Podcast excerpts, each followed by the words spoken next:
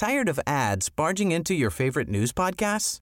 Good news. Ad-free listening is available on Amazon Music for all the music plus top podcasts included with your Prime membership.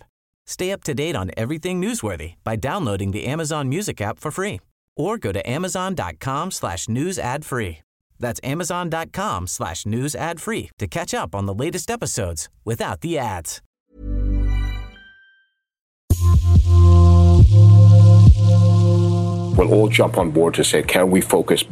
سنقف سويا لنعيد التركيز على ما يراه معظمنا أنه الحل الوحيد وهو حل الدولتين.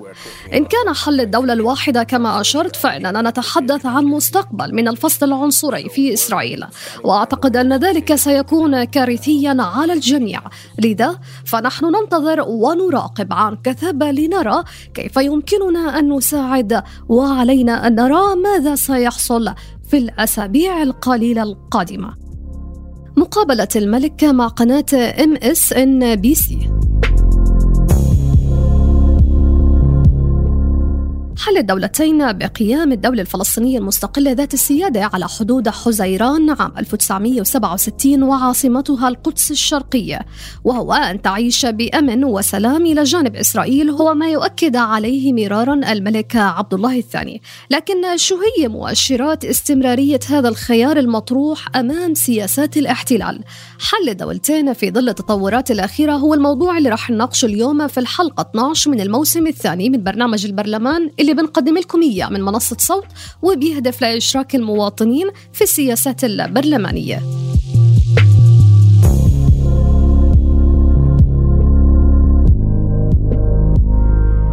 ترجع فكرة حل الدولتين لعام 1988 لما أصدر القائد الفلسطيني الراحل ياسر عرفات إعلان الاستقلال وحكى بوقتها خلاله عن دولتين لشعبين واللي كرست الاعتراف بدولة إسرائيل وبسيادتها على 78% من فلسطين واللي تبعها اتفاقيات سلام عديدة بين عدد من الدول العربية وإسرائيل. ومع الظلم التاريخي الذي لحق بالشعب العربي الفلسطيني بتشريده وبحرمانه من حق تقرير المصير.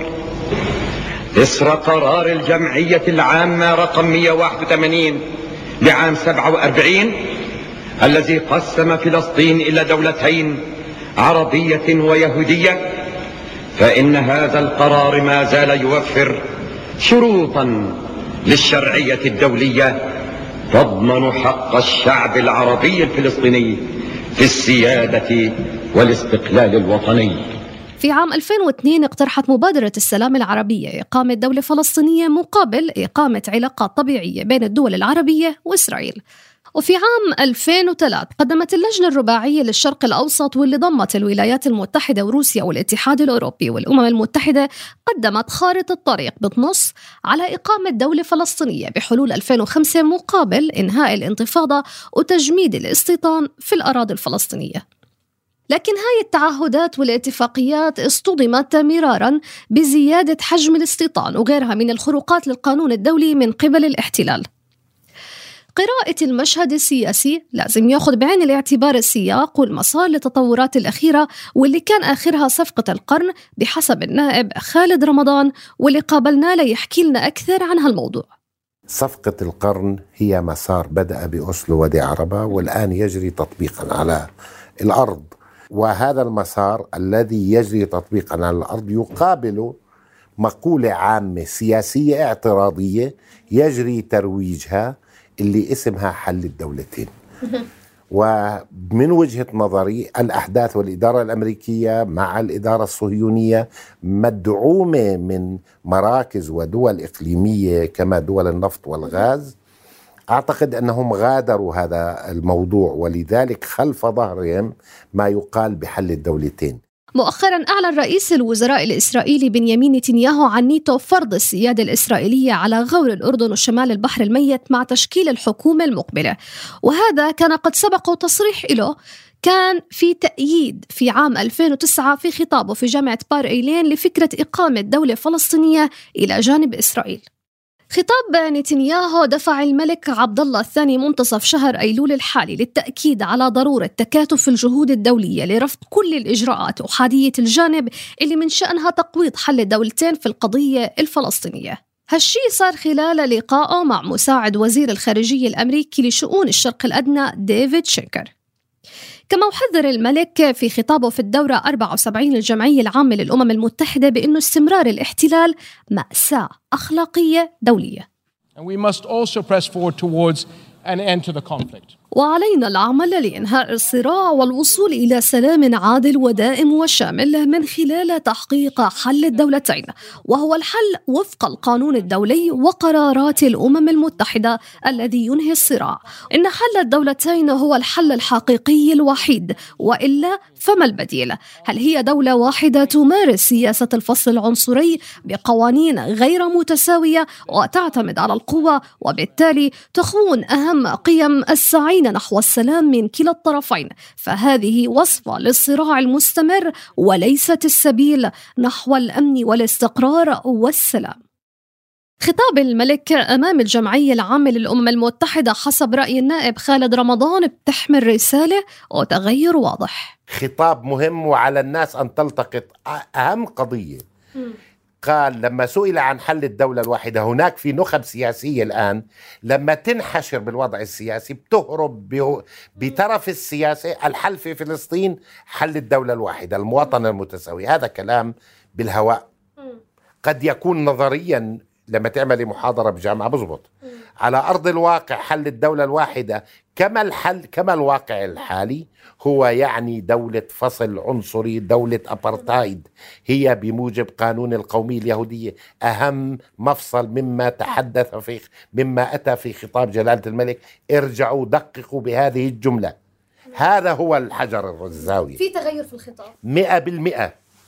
في تغير. هذا هذا الركن يدفع كل السلطات في الأردن بما فيها ابتداء مجلس النواب أن يسرع عمله في اللجان المختصة من أجل مراجعة اتفاقية وداع وزير الخارجية أيمن الصفدي بدورة وصف تصريحات نتنياهو بأنه تصعيد جدي وخطير وبأنه إذا تم تطبيقه فرح يقلل من شأن الأسس اللي قامت عليها عملية السلام منذ عام 1991 وأنه الباب أمام السلام الشامل مغلق وحل الدولتين اللي سعى إلى المجتمع الدولي من سنين ببساطة ما رح يتحقق. القضية الأساس التي آه، آه، طرحناها هي آه، الإعلان الكارثي لرئيس الوزراء الإسرائيلي بعزمه ضم المستوطنات اللا شرعية ومنطقة غور الأردن وشمال البحر الميت وفرض السيادة الإسرائيلية عليها. ونحذر من أن هذا الإعلان الكارثي يقوض وليس فقط سيقوض حل الدولتين الذي يجمع العالم تقريبا برمته على أنه السبيل الوحيد لتحقيق السلام والاستقرار ولكنه أيضا سيقتل العملية السلمية برمتها لأنه سينسف الأسس التي قامت عليها الجهود السلمية بشكل عام وسيؤدي إلى ضياع آه، آه، عقود من الجهود آه، الدولية من أجل تحقيق السلام. رئيس مجلس النواب الأردني عاطف الطراوني أكد أن اتفاقية السلام مع إسرائيل باتت على المحك بعد تصريحات نتنياهو. ونزع السلاح النووي وخامسا أن التنمية المستدامة في رواسيا لن تتحقق ما دام الدول والكيانات ترفض الانصياع لقرارات الشرعية الدولية وتطلب بها عبد الحائط. وكيف نصل التوافقات ونبني التصورات والبعض ما زال يستبيح الدماء ويرى في منطقتنا بخاصة الشرق الأوسط ساحة لحمل الوكالات وعليك أننا كبرلمانات على الأقل مطالبون اليوم بالاستنكار والرفض وتعلية دولة الاحتلال الإسرائيلي. هالتصريحات لنتنياهو كان سبقها كثير من الإجراءات اللي بتشير للتصعيد من جانب الاحتلال وبتقوض فرص حل الدولتين. الآن يملك الأردن رسميا أن يقول أنا متمسك بحل الدولتين لكن الصهيوني الإسرائيلي بين قوسين والأمريكي ضرب بعرض الحائط بكل الشرعية الدولية. على ماذا يتكئ مفهوم حل الدولتين؟ على المبادرة العربية بين قوسين للسلام اللي هي بال 2002 أيام ما كان الأمير عبد الله وتم تشريحها دوليا كسياق دولي. الإدارة الأمريكية الصهيونية الآن لا تعترف بالمنظومة الدولية. لا بل أكثر من ذلك. الآن خذي نموذج مشان نقرأ هل نحن نتجه إلى حل الدولتين أم لا. كيف يتعاملوا مع الأونروا؟ في عام 2018 تم نقل السفارة الأمريكية إلى القدس بعد اعتراف الرئيس الأمريكي دونالد ترامب بالقدس عاصمة لإسرائيل عدا عن اعتراف الرئيس الأمريكي دونالد ترامب بسيادة إسرائيل على مرتفعات الجولان.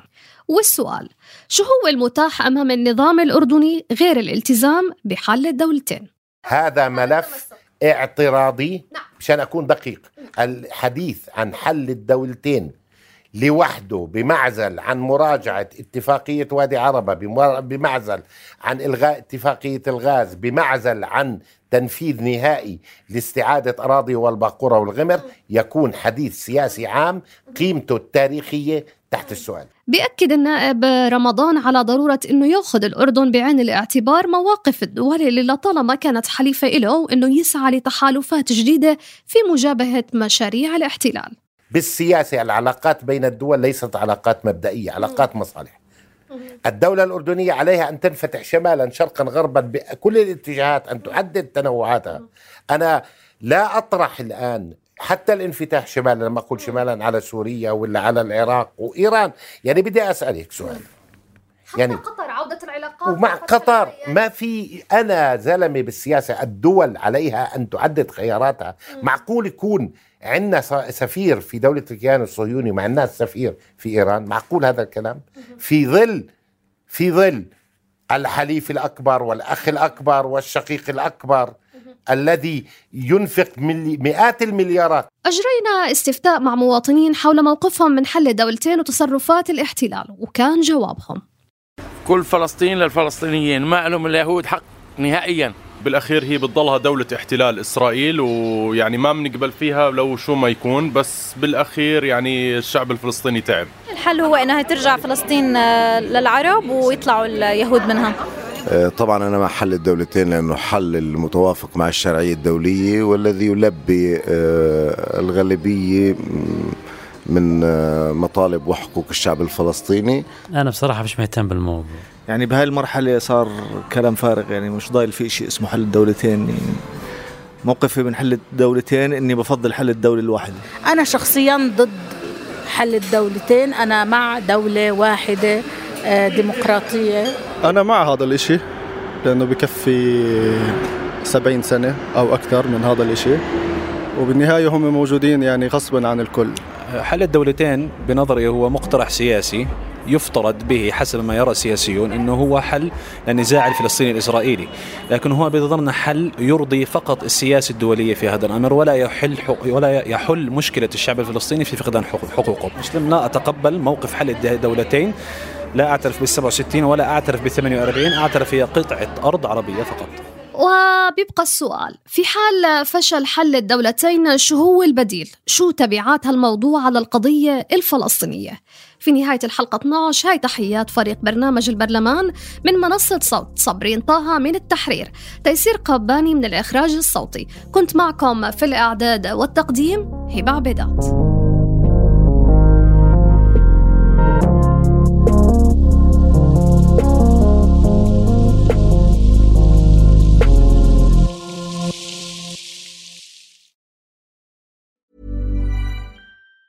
Tired of ads barging into your favorite news podcasts? Good news. Ad-free listening is available on Amazon Music for all the music plus top podcasts included with your Prime membership. Stay up to date on everything newsworthy by downloading the Amazon Music app for free or go to amazon.com slash news ad free. That's amazon.com slash news ad free to catch up on the latest episodes without the ads.